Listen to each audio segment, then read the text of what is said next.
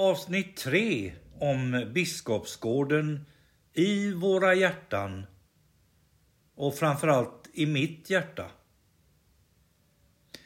Jag hade precis flyttat ifrån Masthugget från Paradisgatan till eh, den nya fantastiska stadsdelen Biskopsgården. Pappa och mamma ville ha något modernt bygge. Lägenhet med tvättmaskin och varmt och kallt vatten och ja, modernt helt enkelt. Och pappa jobbade ju i oljehamnen så att han ville ju komma närmare där. Vi bodde ju i Masthugget och det var inte heller så långt. Men då var han tvungen att korsa älven för att komma till jobbet. Så jag skrev så här. Vem vågade ner på gården när man var nyinflyttad? Ja, inte jag i alla fall. Jag var rädd som fan. Jag satt i köksfönstret på Värmegatan 20, högst upp och tittade ner på gården. Nyinflyttad ifrån trygga Masthugget och Paradisgatan. Sju år och lite imponerad av att alla unga där nere på gården såg så glada och trevliga ut. Men jag var rädd. Mamma sa, gå ner och lek med de andra barnen nu. Det är inte farligt, sa morsan.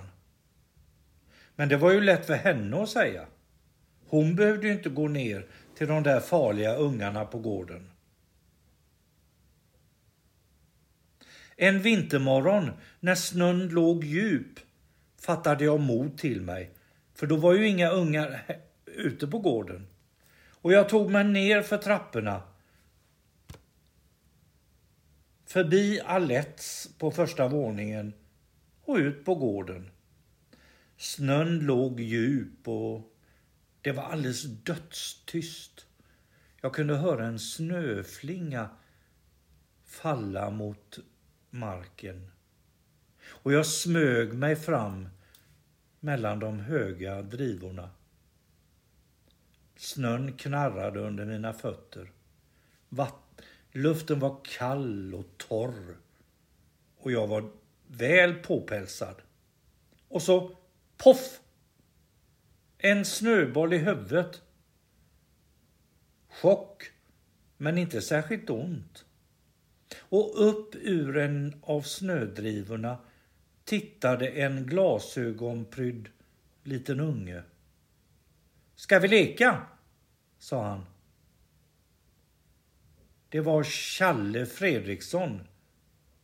Och vi blev bästisar efter det. Och sen blev det allt bättre. På Värmegatan 20.